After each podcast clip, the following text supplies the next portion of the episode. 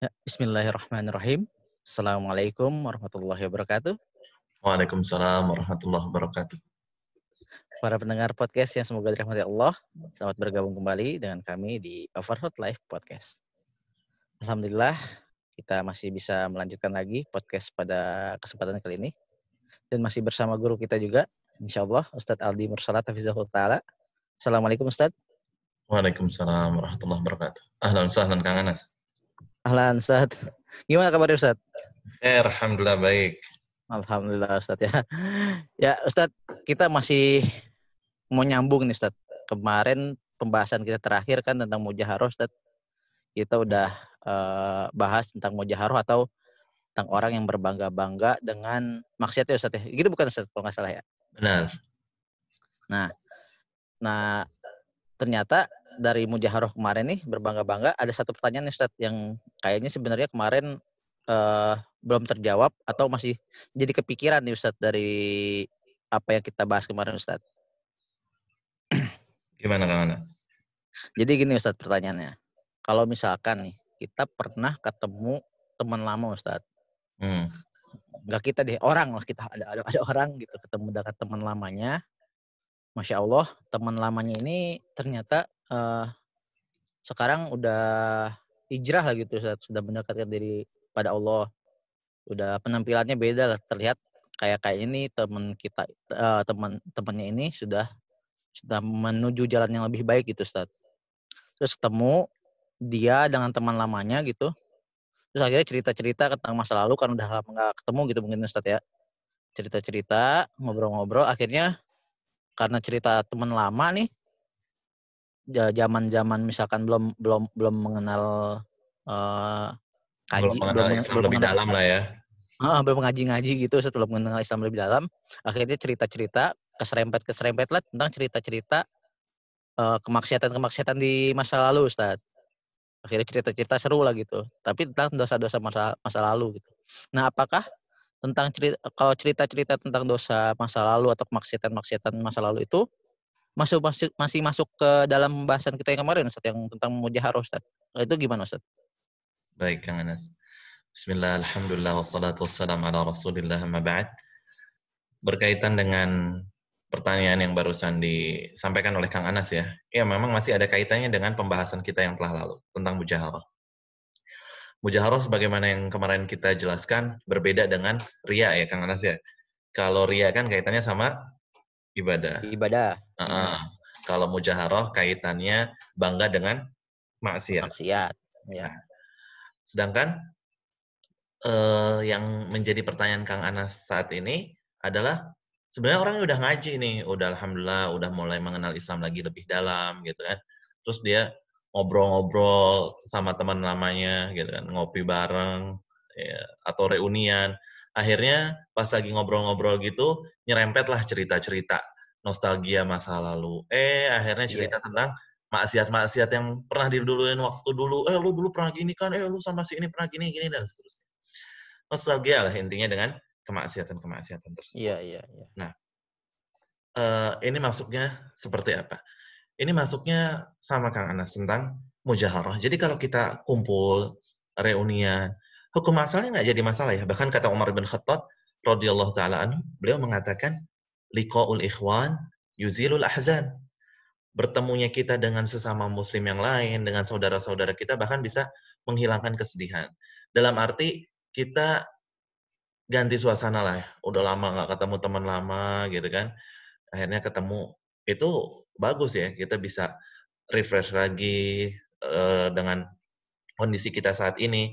Kemudian juga kita ingat-ingat tentang yang masa lalu nggak jadi masalah. Tapi yang jadi masalah ketika kita nginget-ngingetnya mengenang-mengenang kemaksiatan-kemaksiatan yang pernah kita lakukan.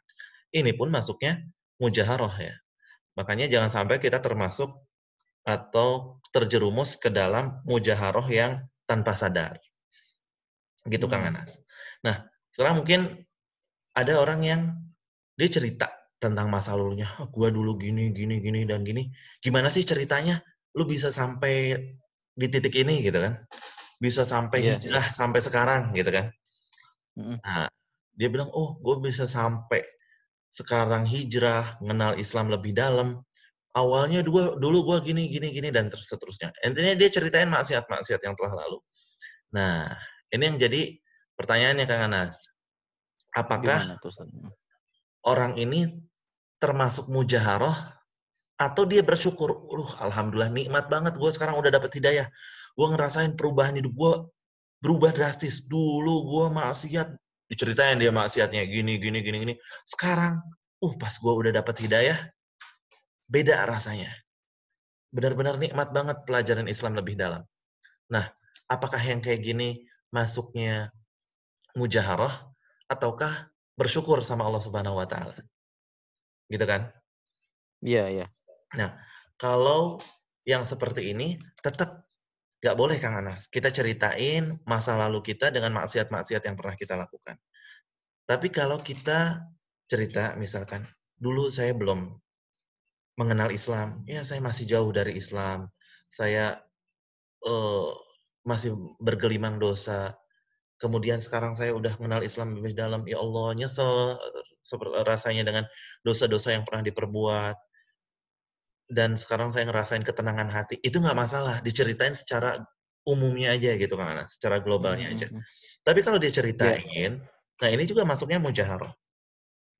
Kemudian lain halnya uh, dia cerita tadi kalau secara global, dia di situlah bentuk rasa syukur dia kepada Allah. Makanya dalam. Al-Quran disebutkan kata Allah Subhanahu Wa Taala, Alhamdulillahilladzi hadana lihada Wa ma kunna linahtadiya laula laula an hadanallah. Segala puji bagi Allah yang telah memberikan kepada kami hidayah. Dan alhamdulillahilladzi hadana li hada. Wa ma kunna linahtadiya laula an hadanallah. Dan kita nih nggak mungkin banget bisa dapat hidayah kalau Allah emang nggak berkehendak ngasih hidayah buat kita. Ya kan? Makanya rasa syukur yang amat sangat besar dengan nikmat banget ini hidayah. Dan ini pun sering dilakukan oleh para sahabat. Ya, sahabat lagi ngumpul, ya para sahabat radhiyallahu taala anhum pas lagi ngumpul-ngumpul, mereka ingat masa lalu, ya Allah, dulu kita banyak dosa. Sekarang alhamdulillah kita udah kenal Islam, masuk Islam, mempelajari Islam, belajar dengan Nabi sallallahu alaihi wasallam. Nikmat. Alhamdulillahilladzi hadana li wa ma kunna linahtadiya laula an hadanallah. Bersyukur banget dengan nikmatnya hidayah, nggak masalah. Tapi kalau misalkan kita cerita-cerita maksiat yang telah lalu, itu kita khawatir hal yang seperti ini termasuk ke dalam mujaharah. Padahal kalau kita mau lihat tadi nikmatnya hidayah besar banget ya Kang Anas ya. Sebagaimana iya, benar, uh, yang sama-sama kita tahu paman Nabi SAW deh, yang paling getol ngebela Nabi SAW. Siapa tadi Kang Anas? Abu Talib ya Ustaz ya? Abu Talib. Benar hmm. banget. Abu Talib ini ngebela Islam luar biasa. Ngebela Nabi Shallallahu Alaihi Wasallam dengan jasadnya pasang badan, dengan posisi jabatannya karena disegeni sama orang-orang Quraisy itu, Abu Talib ngebela Nabi SAW. Tapi Abu Talib belum dapat hidayah dari Allah Subhanahu Wa Taala, belum dapat hidayah taufik. Karena pada hakikatnya iya. Kang Anas, hidayah itu kan terbagi jadi dua. Ada namanya hidayah hmm. taufik, ada namanya hidayah irsyad. Kalau hidayah taufik mutlak hanya milik Allah nggak ada orang yang bisa ngasih hidayah taufik ini kecuali Allah Subhanahu wa taala. Cuman Allah yang punya hidayah. Yeah, yeah. Tapi kalau hidayah hmm. irsyad, petunjuk, semua orang bisa. Kita pun bisa nyuruh orang, eh, lu sholat dong. Udah azan nih, sholat. Hidayah irsyad. Dia mau sholat, berarti dia dapat hidayah taufik. Dia nggak mau sholat, dia dapat hidayah irsyad dari kita petunjuk. Cuman dari hidayah taufik nggak oh. dapat dari Allah. Nah, Abu Talib udah sering banget didakwahin sama Nabi SAW. Bahkan dia tahu agama yang benar nih Islam. Cuma dia belum dapat hidayah taufik. Makanya dia nggak masuk Islam sampai akhir hayatnya. Dan itu pun karena pengaruh teman-teman yang ya nggak bagus. Nah, iya, iya, iya. makanya kita ngerasain ya Allah nikmat banget dapat hidayah ini, dapat hidayah taufik sama Allah dari Allah nih hidayah taufik. Akhirnya kita bisa hijrah sekarang, ninggalin maksiat-maksiat yang dulu, dosa-dosa yang dulu. Nah itu kayak gitu secara umum Allah alam nggak jadi masalah. Tapi kalau kita, iya gue dulu pernah ngeganja, gue juga pernah makin narkoba, uh gue sampai sakau banget waktu itu. Terus gue juga iya, iya. pernah melakukan ini, ini, dan itu. Diceritakan maksiat-maksiatnya, jangan. Kenapa? Kita udah bilang, dalam hadis yang kemarin kita sebutin tentang mujaharoh, Allah udah tutup aibnya. Tapi dia bongkar lagi aib dia sendiri, seolah-olah dia merobek atau merusak penutup yang Allah Subhanahu Wa Taala kasih buat dia. Gitu Kang Anas. Iya Ustaz. Emang jadi soalnya kadang-kadang nih kita pada saat kumpul-kumpul tuh Ustaz namanya lagi kumpul-kumpul ke bawah seru. Kadang-kadang lagi cerita-cerita kayak gitu karena keseruannya si anu misalkan teman kita lagi cerita tentang apa maksiat-maksiat dia gitu kadang-kadang suka pancing tuh Ustaz ada aja yang pancing dari yang lain tuh Ustaz kadang-kadang pancingnya tuh gini ah lu baru segitu gua dulu lebih parah lagi begini-begini kan kadang-kadang nular-nularnya tuh kayak gitu Ustaz kan ya Benar Kang Anas. Jadi kayak ngerasa ah lu mah dulu cuman uh, misalkan minum doang, gua mah narkoba juga segala jenisnya udah pernah heroin udah, iya, gitu. misalkan gitu. apa udah, putau udah disebutin. Dia ngerasa dia, oh gua mah lebih jago tingkatan maksiat gua lebih parah. Maksiat. Jadi maksiatnya iya, iya gitu. Bukan bangga sama prestasi, malah bangga sama maksiat ya. Kalau ah, lu mah maksiatnya masih cemen deh cupu. Lu udah pernah zina, tidur sama berapa cewek sih? Gue lebih banyak. Ya, hmm. Nauzubillah. Iya. Merasa dia lebih ya, playboy, gitu, lebih laku dan lain sebagainya. Ini pun bentuk dari mujaharoh. Mujaharoh. Oh, Benar gitu. kan Anas. Ya itu jadi karena memang biasanya gitu Ustaz tuh kalau udah cerita-cerita kayak gitu nular-nular gitu Ustaz. Nah, sampai akhirnya kadang-kadang ada orang gitu misalkan lagi lagi sama-sama berbangga-bangga dengan dengan kemaksiatan masa lalunya akhirnya temennya juga dia ngeh oh iya lu kan dulu pernah bikin gini gini gini ya sampai akhirnya kadang-kadang dia temennya nanya gini Ustaz oh iya lu kan dulu pernah misalkan bikin maksiat ini ya atau misalkan oh iya gue dulu denger, pernah denger tuh lu cerita lu pernah pacaran sama si cewek ini nih terus lu, terus pernah nyampe bikin uh, nyerempet-nyerempet mau mau gituan tuh itu ceritanya gimana tuh? Nah kayak gitu kalau kayak gitu-gitu gimana misalkan ternyata akhirnya pada saat ditanya oh iya kok gue jadi tanya ginian ya? Terus akhirnya dia nggak mau jawab atau dia harus jawab atau gimana Ustaz kalau kayak gitu kondisinya Ustaz baik. Iya. Ini kadang uh, salah satu efek dari pertemanan ya Kang Anas. Makanya ya, ya. reuni hukum asalnya mubah tapi terkadang ada dampak negatifnya apa enggak? Kira-kira teman-teman kita kalau sekedar cerita-cerita dulu lucu-lucuan zaman dulu nggak insya Allah nggak jadi masalah. Tapi tadi kemaksiatan-kemaksiatan yang pernah dilakukan akhirnya kita kebawa gitu kepancing. Ya, jadi seru dengerin itu waliyatubillah. Kemudian menikmati majelis tersebut yang sebenarnya tidak ada faedahnya gitu kan. Nah, akhirnya sampai kita di titik misalkan ditanya, eh kayak yang tadi Kang Anas bilang tadi, lu dulu pernah pacaran sama si ini ya? Eh, lu ngapain aja lu dulu sama cewek lu? Gini dan seterusnya. Nah, bagaimana sikap kita kalau misalkan ditanya yang seperti itu padahal kita alhamdulillah udah dapat hidayah dari Allah Subhanahu wa taala, sudah meniti jalan uh, di atas istiqomah insya Allah udah benar-benar merasakan lezatnya hidayah menjadi pribadi muslim yang lebih baik. Ketika mendapat pertanyaan tersebut, jelas jangan dijawab ya dengan kemaksiatan kemaksiatan. Oh, iya, gue juga benar dulu pernah kayak gini gini ini. Tapi alhamdulillah deh, gue sekarang udah berubah, gue udah dapat hidayah. Pun nggak nggak usah gitu diceritakan ketika dia mau bersyukur dengan hidayah yang dia peroleh, nggak usah diceritakan maksiatnya.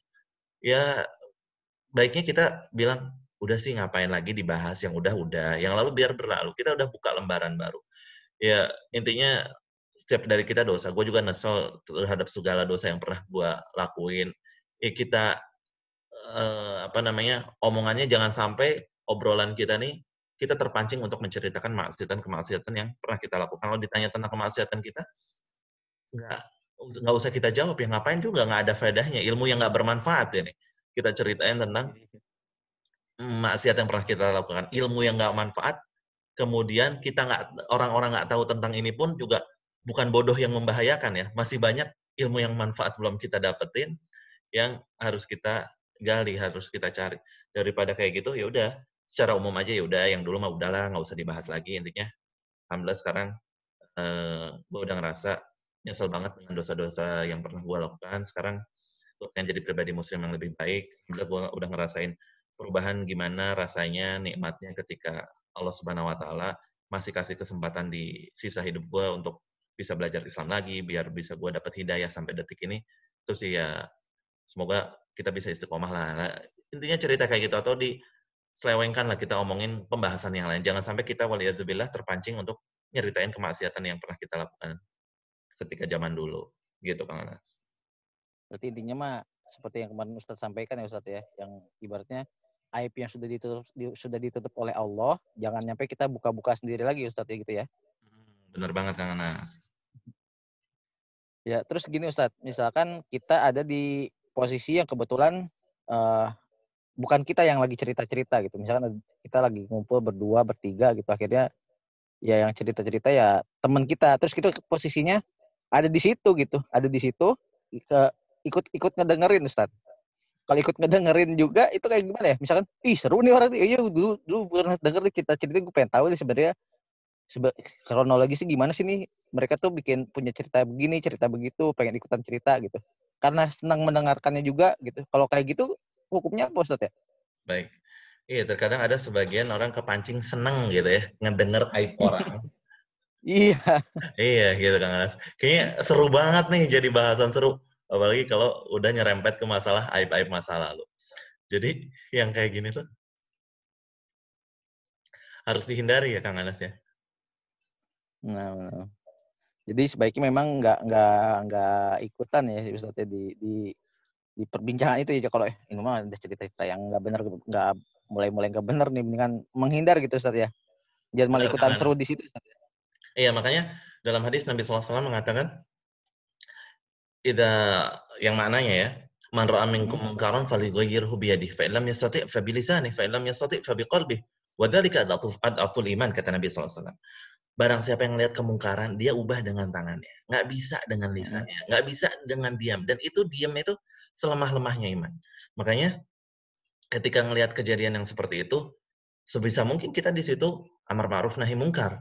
Kita ada ngapain sih ceritain aib-aib orang gitu, ngapain sih yang kayak gitu dibahas lagi. Udahlah, kita kan mau reunian, mau seru-seruan, mau kangen-kangenan, mending cerita topik lain lah, nggak usah yang kayak gitu. Kita di situ adalah bentuk amar ma'ruf kita. Ketika memungkinkan seperti itu, alhamdulillah.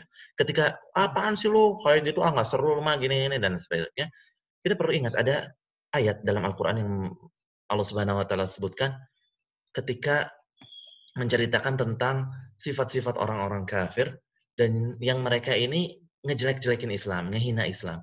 Allah Subhanahu wa taala mengatakan apa? Fala taqudu ma'ahum hatta yakhudu fi haditsin ghairih. Innakum idzan mithluhum. Kata Allah, jangan duduk bareng mereka. Sampai mereka ngomongin pembahasan topiknya udah ganti yang lain. Kalau masih duduk juga di situ, innakum idzan mithluhum. Kalian sama aja kayak mereka. Jadi kalau misalkan udah seperti itu, kita udah bisa berusaha untuk nasehatin baik-baik gitu. Tentunya dengan cara yang hikmah ya nggak usah, eh, hmm. lu ngapain gitu. Jadi jangan-jangan dengan cara yang uh, keras gitu yang akhirnya orang jadi ih ini ngapain sih katanya udah hijrah tapi kok keras banget aliran apa sih dan lain sebagainya. Orang jadi iya, akhirnya iya, feel gitu kan. Nah, tapi kita dengan cara yang dengan cara yang baik, kalau bisa diterima alhamdulillah, kalau enggak ya udah kita tinggalin dulu majelisnya. Eh sebentar, gue ada telepon dulu nih. Ya kita nelfon hmm. siapa gitu, sampai kira-kira udah nggak ngomongin itu lagi, baru kita balik lagi ke situ. Jangan sampai naudzubillah kita ikut-ikutan nimbrung di situ, akhirnya kita pun kepancing untuk duduk di majelis yang tidak bermanfaat. Gitu Kang Anas. Allah Ta'ala Nah, Ustaz. Jadi memang uh, kalau bahas, bahas tentang maksiatan-maksiatan gini emang kadang-kadang sangat sangat sering terjadi nih Ustaz ya di di sekitar kita Ustaz. Mungkin Benar. sebelum kita tutup Ustaz uh, ada kesimpulan nggak Ustaz dari dua bahasan kita kemarin tentang mujaharoh atau berbangga-bangga tentang maksiatan uh, penutupan dan kesimpulannya dari dari mujaharoh ini apa Ustaz? Baik. Intinya tentang masalah mujaharoh jangan sampai kemaksiatan yang sudah kita lakukan ya kita ceritakan kepada orang lain ya apalagi misalkan kemaksiatan ini udah dilakukan sendiri nggak ada yang tahu akhirnya kita bongkar aib kita sendiri ya, dan itu sebenarnya di luar batas normal karena normalnya orang nggak pengen aibnya dibongkar oleh orang lain. Ini dia sendiri yang ngebongkar aibnya bahkan bangga. Kemudian juga kalau ada kemaksiatan jangan sampai ya namanya setiap orang mungkin melakukan dosa ya kan? Terjerumus ke dalam dosa. Jangan sampai kita dosanya itu nggak tahu malu, terang-terangan depan orang, ya kan? Bikin vlog tentang maksiat, kemudian bikin konten ya tentang maksiat, mancing-mancing orang biar uh, ceritain masa lalunya tentang maksiat. Kita jadi uh, apa namanya pelopor orang untuk ceritain maksiat-maksiat dia. kita jadi uh, motivator buat orang-orang akhirnya cerita maksiat, "Ih, gue juga dulu begini begini." Akhirnya kita jadi orang yang menyerukan kepada hal-hal yang buruk. Akhirnya gara-gara kita orang-orang bangga dengan mujaharah-mujaharahnya tadi. Terkadang dosa mujaharah ini dari obrolan-obrolan biasa menjadi dosa mujaharah yang nggak kerasa gitu. Waliyahzubillah. Kemudian uh, mujaharah ini tadi sangat-sangat ngeri ya karena dalam hadis yang kemarin kita sebutkan bahwa bisa dapat ancaman tidak mendapatkan ampunan Allah Subhanahu wa taala selama dia belum bertobat atau juga dia mendapatkan cacian dari manusia. Mungkin itu Kang Anas ringkasan singkat kita tentang masalah mujaharah. Allah, Ustaz. Ya, jazakallah khairan Ustaz uh, tentang ringkasannya tentang mujaharah tadi. Oh, iya, bisa saya simpulkan juga tadi uh, si mujaharah ini berbangga-bangga dengan kemaksiatan ini juga bisa mengarah kita untuk memotivasi orang untuk melakukan dosa yang sama. Nah, kalau udah kayak gini kan mungkin bisa masuk ke dosa jariah Ustadz ya. Benar banget. Tapi buat teman-teman yang mendengarkan podcast ini, untuk pembahasan dosa jariah nanti kita bahas di podcast selanjutnya. Oke. Okay? Dan ya itu tadi perbincangan kita dengan Ustadz Aldi Mursalat. Alhamdulillah eh, kita masih bisa mendapatkan tambahan ilmu lagi nih dari Ustadz Aldi ya. Jazakallah khairan Ustaz. Waalaikumsalam khair. Terima kasih untuk waktu dan ilmunya. Insya Allah nanti kita ketemu lagi di podcast berikutnya Ustaz ya. Insya Allah. Ya Ustaz. Untuk para pendengar yang dirahmati Allah, semoga apa yang tadi kami bincangkan dapat bermanfaat untuk pendengar semuanya. Dan silahkan disimak juga dan juga didengarkan juga ya, podcast kami di episode lainnya. Dan juga jika berkenan, berkenan teman-teman pendengar uh, juga silahkan di-share atau dibagikan info tentang podcast ini kepada keluarga, teman, maupun sahabat agar uh, podcast ini juga bisa saya rasakan manfaatnya oleh teman-teman yang lain. Dan jangan lupa silakan juga di-follow Instagram kami di @overheartlife di Instagram. Dan jika ada pertanyaan, kritik maupun saran, silakan uh, di DM ke akun tersebut. Jazakumullah khairan sudah mendengarkan podcast ini. Subhanakallahumma wa bihamdika asyhadu an la ilaha illa anta astaghfiruka wa atubu ilaik. Wassalamualaikum warahmatullahi wabarakatuh. Bye.